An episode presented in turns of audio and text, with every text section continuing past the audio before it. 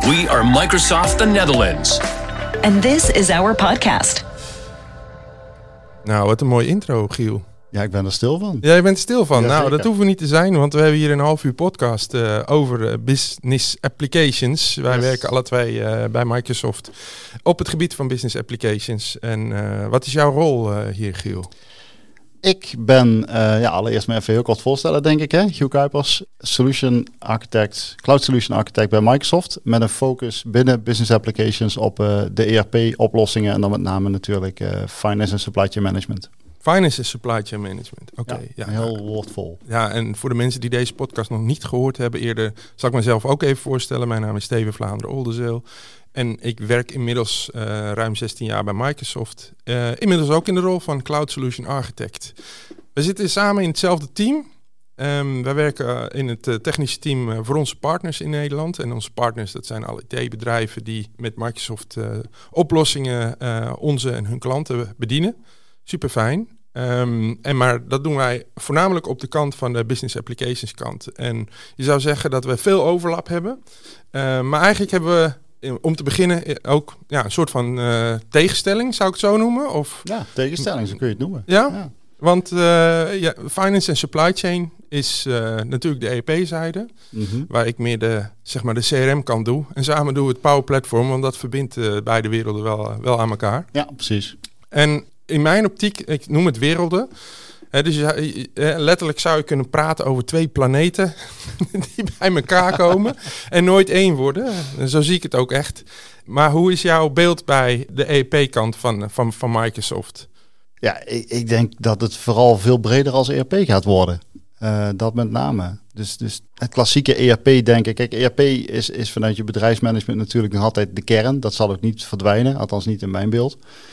Maar ik merk wel in de discussies en in, de mogelijkheden en in de ontwikkeling gaat het vooral heel veel om de zaken om ERP heen. Hè? Dus de connectivity, ehm, het hele, het hele Power Platform gebeuren. En natuurlijk met name ook de integraties met de CE-kant van het verhaal. Ja, ja inderdaad. Het CE-kant, hè, dus het nieuwe naampje voor CRM, eh, zou ik maar zeggen. Ehm, en dat is denk ik wat we nu steeds meer gaan zien, is dat je niet meer kijkt naar een businessproces op het EEP-gebied of in het CRM-vlak, maar dat je eigenlijk een businessproces hebt wat over alle tweede domeinen heen gaat. Ja. En eh, de integratie is eigenlijk altijd aanwezig. Een klant leeft niet in een EEP-systeem of in een CRM-systeem, maar altijd in twee systemen. En op die manier komen die werelden dan bij elkaar. Ja. Eh, maar soms gaat dat met een digitale, laat ik zeggen, we brug tussen de twee eh, systemen waarin je data gaat heen en weer sleutelen van de ene naar de andere omgeving. Mhm. En soms is dat meer een doorkijk. Eh, wat heeft jouw voorkeur daarbij, Giel? Ja, de doorkijk Ja? natuurlijk. Ja, kijk, als jij de hele bewuste keuze maakt om al jouw business applications op het Microsoft platform neer te zetten, dan is die doorkijk er als het ware bijna vanzelf al. Dan Ja. heb, ga je het even over, over, over Dataverse. En dat is dan uiteindelijk wel de toekomst. Ik merk dat ik in mijn werkzaamheden veel meer met Dataverse bezig ben dan met ERP. Oh, Oké. Dat zegt ook echt wel alles, denk ik. En Dataverse, eh, kun je dat eens uitleggen? Wat, wat bedoel je daarmee? Ja, Dataverse is. ja, men denkt wel eens dat dat een database is, maar dat, dat is het niet. Eh Dataverse is eigenlijk een, een, een integratielaag Ja, waar één of meerdere databases onder kunnen hangen.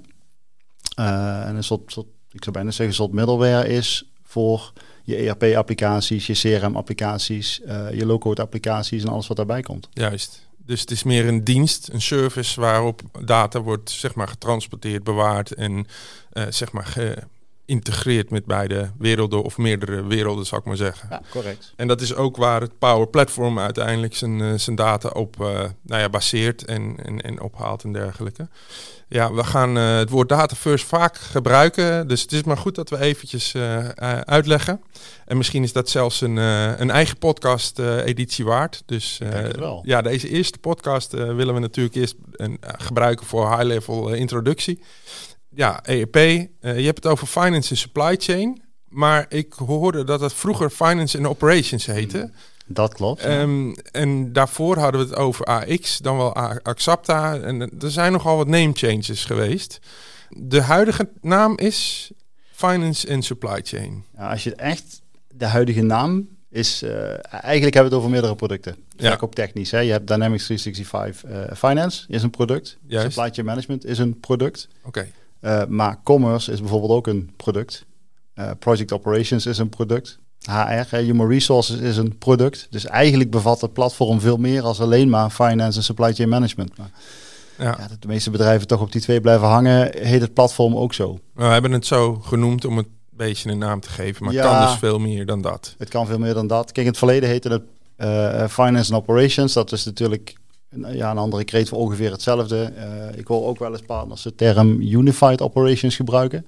Ja, Onder het motto van, hey, dit is een platform waar spul bij elkaar komt. Dat is ook een term, maar de officiële term is eh, Finance and Supply Chain Management. Ja. ja. precies.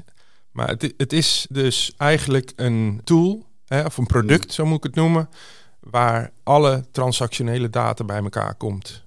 Ja. Dus in feite de breedste zin van het woord als het gaat om een transactie wordt opgenomen in finance en in dit geval supply chain. Ja, ja ik, zou, het- ik zou het een platform noemen, want dat is het eigenlijk. Hè. Het is eigenlijk gewoon een, een dataplatform. Mhm. Eh, net zoals dat je het CRM-dataplatform hebt, het XRM-platform. Ja, Ja, en wat je dus ziet is dat die twee samen komen zijn. ja, ja, ja. Dat, je, dat je platform unification krijgt, of weet ik hoe je dat dan Ja, je zet me natuurlijk aan als je het hebt over XRM.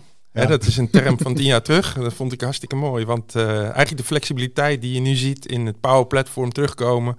Hè, het kunnen maken van applicaties en, en, en datamodellen met schermen en, en dat soort dingen. Dat kon in feite al met het XRM-platform. Alleen ja, de term was lastig uit te leggen. Hè, Any Relationship Management Systeem.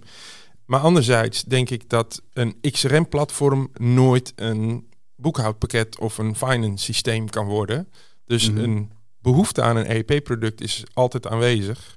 En op dat moment eh, ja, denk ik dat het goed is om te weten dat we dus die front-office applicaties niet eh, kunnen embedden in een EP-systeem. En dus ook transactionele applicaties niet kunnen embedden in een ja, zeg maar CRM-product. Dus die Mhm. twee werelden blijven in mijn optiek altijd bestaan. Ja. Maar misschien eh, dat de toekomst iets anders gaat brengen. Ik ben heel benieuwd.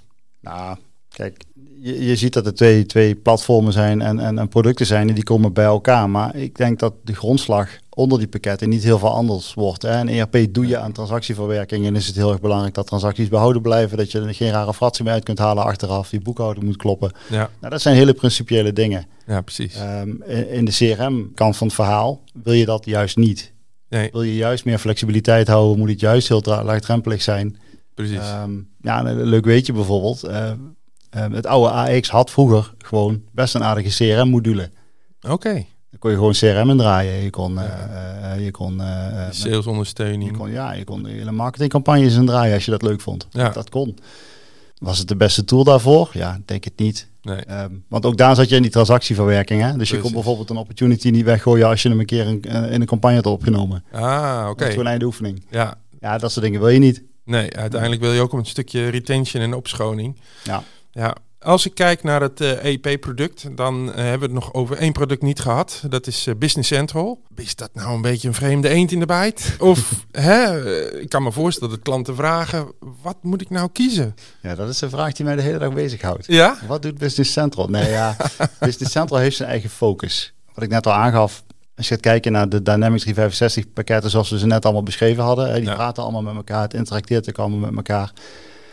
En, het is heel veel software. Ja, Dus er is natuurlijk een bepaalde categorie bedrijven, en dan heb je het meer over het midden- en kleinbedrijf, die hebben helemaal niet die behoefte. Het is veel te zwaar daarvoor. Juist. En daarvoor is natuurlijk Business Central de tool. juist. Eh, en laten we vooral ook niet vergeten, en dat vergeten we bij Microsoft ook nog wel eens, eh, is dat bij Business Central het ecosysteem met partners en met name ISV's Ja, eh, ook een stuk breder is als je dat bijvoorbeeld bij Finance en Supply Chain Management hebt. Dus ja oké. Ja, precies. er zit Dus, best wel een aardige lading overlap tussen Ja. die twee. maar het is niet logisch om die twee producten naast elkaar te hebben. eh, omdat je dan twee boekhoudsystemen hebt, moet ik het zo zien? Of komt het wel voor? Het komt zeker voor. Oké. Ja, ja, absoluut. Maar Ik, is het eh, dan omdat er bepaalde oplossingen in draaien? Of hè? waarom wel zou je dat doen? ziet, is eh, dat je bijvoorbeeld een hoofdkantoor hebt wat, eh, wat Finance en Supply Chain Management draait. Juist. Omdat daar de complexe rapportages in zitten en de complexe processen zitten. En je hebt eh, ja, werkbedrijven, om het zo eens te zeggen, ehm, die dan Business Central draaien omdat het laagdrempeliger is en, en veel makkelijker te implementeren is. Ja, Dat je daar veel sneller mee, mee in de lucht bent. oké, oké. Ja, Dus Nou dat, ja, dat goed. zie je nog wel eens terugkomen. maar dat er overlap is, is duidelijk. Absoluut. En ook voor de klant, hè, die moet soms in twee verschillende systemen gaan leven. En Hè, de klant zelf zal dat niet zien, maar degene die de klant helpt, heeft dus klantdata in één en het andere systeem staan dat nog samen moet komen. Ja. En om dat te normaliseren, gaan we er ook nog eens een dataverse eh, bij gebruiken. Dus dan hebben we nog een derde systeem waar alles eh, bij elkaar komt. Ja, precies. Of alles met eh, iets met eh, de ring that binds all rings. Ja, dat, dat ja. idee. Het wordt er allemaal niet makkelijker op, maar we gaan deze podcastserie gebruiken om daar duidelijkheid in te scheppen. Precies. En ik denk dat wat leuk is, is dat we gewoon iedere sessie daar eens een keer een onderwerp uitpeuteren. Ja. Om het daar gewoon eens over te hebben. Ja, is er iets top of mind waarvan je zegt, nou, ik, ik ben zo benieuwd naar, hè? Ik weet er wel één. Nou, dan zeg het. Zeg het. Ik, ik ben heel erg idolaat eh, van eh, Copilot op dit moment. Copilot vind ik zo'n geniale nou ja, toevoeging aan de applicaties die we nu hebben. Eh, zowel in Power Platform als in eh, nou ja, Microsoft Sales, Marketing, eh, Customer Insights. Hè, al die producten die zeg maar gelieerd zijn aan eh, Dynamics eh, nou ja, CE hè, of Mhm. CRM.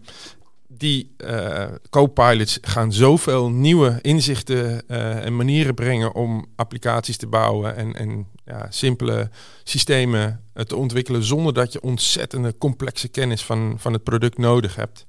Ehm, dat zie ik ook weer een beetje als een gevaar. Hè? Want de drempel om iets te maken wordt vele malen lager. Maar wat je dan gecreëerd hebt, moet natuurlijk altijd nog wel even door een scherp oog beoordeeld en bekeken worden. Om te Mm. kijken van, hey, lost het ook echt het probleem op wat we in- initieel eh, hebben willen oplossen? Ja, maar dat is meer een AI-algemeen probleem, denk ik. We moeten echt gaan nadenken dat we ehm, niet alles klakkeloos van, van AI aannemen. Ja, Hè, want da- da- daar kunnen nog, wat, eh, nog alles wat rare dingen tussen zitten. ik vind het een hele rake uitspraak. Ja. Hè? Algemeen eh, AI eh, wordt enorm opgehemeld, vooral eh, op IT-gebied. Want eh, ja, die systemen doen nu meer dan dat het ooit kon. Ja. Maar aan de andere kant moeten we het niet zomaar blind vertrouwen, zeg je. Dat zeg ik, ja. Ja. Ja. En de uitkomsten van AI, ja, dat kan door andere AI weer opgepakt worden. Ja, zo wordt Ja. het een, eh, bijna een self-fulfilling prophecy. Ja, ja, ja, maar vaak genoeg roept dat iets gebeurd is, dan is het vanzelf gebeurd. Hè? Dat, eh, Klopt. Maar jij hebt het ook over co-pilot en niet autopilot. inderdaad. Dus Nee, zeker. Nee, net als in een vliegtuig heb je een co-piloot, maar de hè, echte piloot is natuurlijk eh, in charge voor alles. En verantwoordelijk. En verantwoordelijk ook. Ja. Ja, ja. Dus, dus zo ja, is het eh, denk ik een hele eh, welkome toevoeging. Ehm, en assistent ook bij, eh, bij het gebruik van je, van je applicaties en dergelijke. Ehm, maar op finance en supply chain vlak ehm, heb ik iets gehoord over intelligent order management. Ja.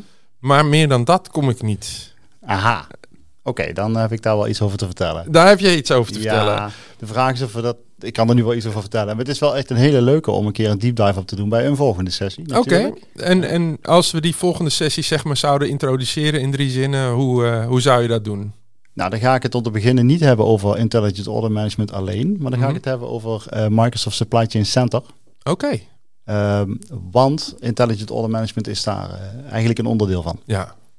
Ehm, ja, en, en het Supply Chain Center is eigenlijk een nieuwe oplossing. En dat is voor eh, mijn ERP-vrienden die ik, eh, die ik heb eh, wel een beetje een vreemde. Hè. Er komt iets naast en dat doet iets in ERP, maar het is geen ERP. Hmm, Hoe moet ik dat nou plaatsen? ja, precies. Ehm, die Maar- oplossing is echt bedoeld om ehm, meer connectivity te krijgen rondom je ERP-processen met externe en interne partijen, Mhm. maar ook ehm, ja, externe data die niet van partijen afkomt. Nee. En dan eh, moet je verdenken aan nieuws bijvoorbeeld. Hè. Oh, op die gaat, fiets. eh, Ja. Op nos.nl staat een, eh, een berichtje over een, ehm, weet ik veel, een storm ergens in de wereld. Ja. En als jij een supply chain planner bent, dan denk je, oeh, dat kan wel eens impact hebben op Jouw supply mijn, chain. mijn supply chain. Precies. Nou, deze oplossing stelt je in staat om daar iets mee te kunnen gaan doen. Oké. Om anderen te informeren die weer afhankelijk van jou zijn. Of eh, hè, de fabriek eh, zeg maar te informeren. Of- ja, om de fabriek te informeren, maar ook Ja. gewoon contact te zoeken met je leveranciers die in dat gebied zitten. Oh, tuurlijk. Ja, gewoon pu- puur om de lijntjes je- warm te houden. Ja, precies. En daar zie je dan ook AI weer terugkomen als ondersteuningstool, hè, Copilot. Oké, Als ondersteuning om die communicatie heel makkelijk en heel snel te kunnen doen. ja. Dus dan kost het je ook geen moeite meer om dat mailtje even te sturen. Ah, het is me nu al veel duidelijker, maar we gaan dus op een eh, volgende podcast eh, gaan we daar even op de details in. Ja, En, de eh, techniek hè. ja, ja, ja, ja, ja. Nou ja, die details zijn wel interessant, want we willen natuurlijk ook weten hoe het zit met dingen als roadmaps en, en licensing en misschien bepaalde deployments die die gedaan zijn en Ja, ja, ja. veel meer. Dus eh, genoeg eh, te horen in, eh, in de volgende podcast. Maar het is leuk, ik denk dat we de podcast die we gaan maken, proberen we wekelijks te doen. Hè? Mhm. Dus nou ja, het is een belofte, maar ik hoop dat ook dat we hem kunnen inlossen. Het voordeel is, we kunnen podcast natuurlijk een beetje pre-recorden en kijken. Dus op het moment dat we een bepaald moment nemen om een podcast op te nemen en het werkt niet, dan zouden we hem eventueel een dag later kunnen opnemen of een dag eerder zelfs. Dat moeten we eh, gaan bekijken. Dat neemt ook niet weg dat wij dit zien als we gaan nu eventjes eh, kijken tot aan de grote vakantie hoe het, eh, hoe het loopt. Ja. Of we een hoop luisteraars weten te bereiken en daar willen we ook feedback van ontvangen. Dus op het moment dat er podcasts geplaatst worden op de podcastkanalen die we gaan uitkiezen, hè, dat moeten we nog vormgeven, maar dat hopelijk binnenkort daar duidelijkheid over te hebben. Uiteindelijk willen we natuurlijk weten van onze luisteraars of ze dit waarderen en nou, misschien bepaalde vragen hebben die we ook weer mee kunnen nemen in nieuwe podcasts. En hoe dat precies gaat gebeuren, ook daar gaan we nog eh, beslissingen over nemen. Eh, maar hoe interactiever, hoe leuker. En dat is eh, denk ik wat het doel is van deze podcast. Ja. Zijn er nog zaken waarvan we zeggen, dat willen we nog eventjes aanstippen, eh, Giel? Je hebt een eh, aardige treinreis achter de rug. Dus misschien heb je nog over nagedacht eh, waar je dacht van nou, ik wil eh, dat soort zaken nog meenemen in de podcast. Of zijn er bepaalde zaken die we absoluut niet gaan doen? Om onze doelgroep helemaal fine-tunen. Nou, wat ik denk ik belangrijk vind, is dat we het met name, eh, dit is voor partners. Juist. Ehm, en, en dat wil niet zeggen dat, dat niet-partners niet mogen luisteren, graag zelfs. Maar Ah. eh, het is bedoeld om onze partners te gaan helpen. Dus we moeten eh, ehm, zorgen dat we onderwerpen eruit gaan halen die voor partners ook echt interessant zijn, die top of mind zijn. Precies. Ehm, en waar partners ook iets gaan, gaan hebben. Ja, Ik denk Ja. dat dat de kern is. Inderdaad. Dus eh, nou ja, wij worden vaak geïnformeerd aan de zeg maar, voorportalen van het product. Hè, dus dingen die, eh, die, die nog net niet beschikbaar zijn in Nederland, maar er wel aan gaan zitten komen. Eh, daar worden wij, ik zou bijna zeggen, mee doodgegooid. En ja, dat willen we natuurlijk heel graag vertellen, evangeliseren, soms zelfs laten zien. Het kan niet in een podcast, dus misschien dat er af en toe verwijzingen komen naar of URL's of ja, bepaalde filmpjes. Of, of misschien dat we vragen om, eh, om demo-omgevingen eh, zeg maar beschikbaar te hebben voor onze partners om dingen uit te zoeken. Maar ja, dat is ons doel. En eh, die evangelisatie via deze podcast wereldkundig maken is denk ik hartstikke leuk om te doen. Nou. Nou, hebben we nog een uitsmijter, Giel? We hebben nog een uitsmijter. Nee, ik heb geen uitsmijter. Heb jij nog een uitsmijter, Steven? Heb ik nog een uitsmijter? Dat is een eh, goede tegenvraag. Ehm, ik heb wel een muziekje voor je. En dat is het, Oh ja. eh, het, het eh, outro liedje wat we gaan gebruiken voor deze podcast. Nou ja, we gaan, we gaan het outro liedje starten en dan ga ik de opname stoppen. En dan hoop ik dat we een volgende podcast veel meer de diepte en de inhoud in kunnen. Maar we hebben een eer- eerste podcast achter de rug. Dankjewel Giel. En tot volgende week. Tot volgende week. Komt goed. Bedankt voor het luisteren naar deze podcast van Microsoft Nederland.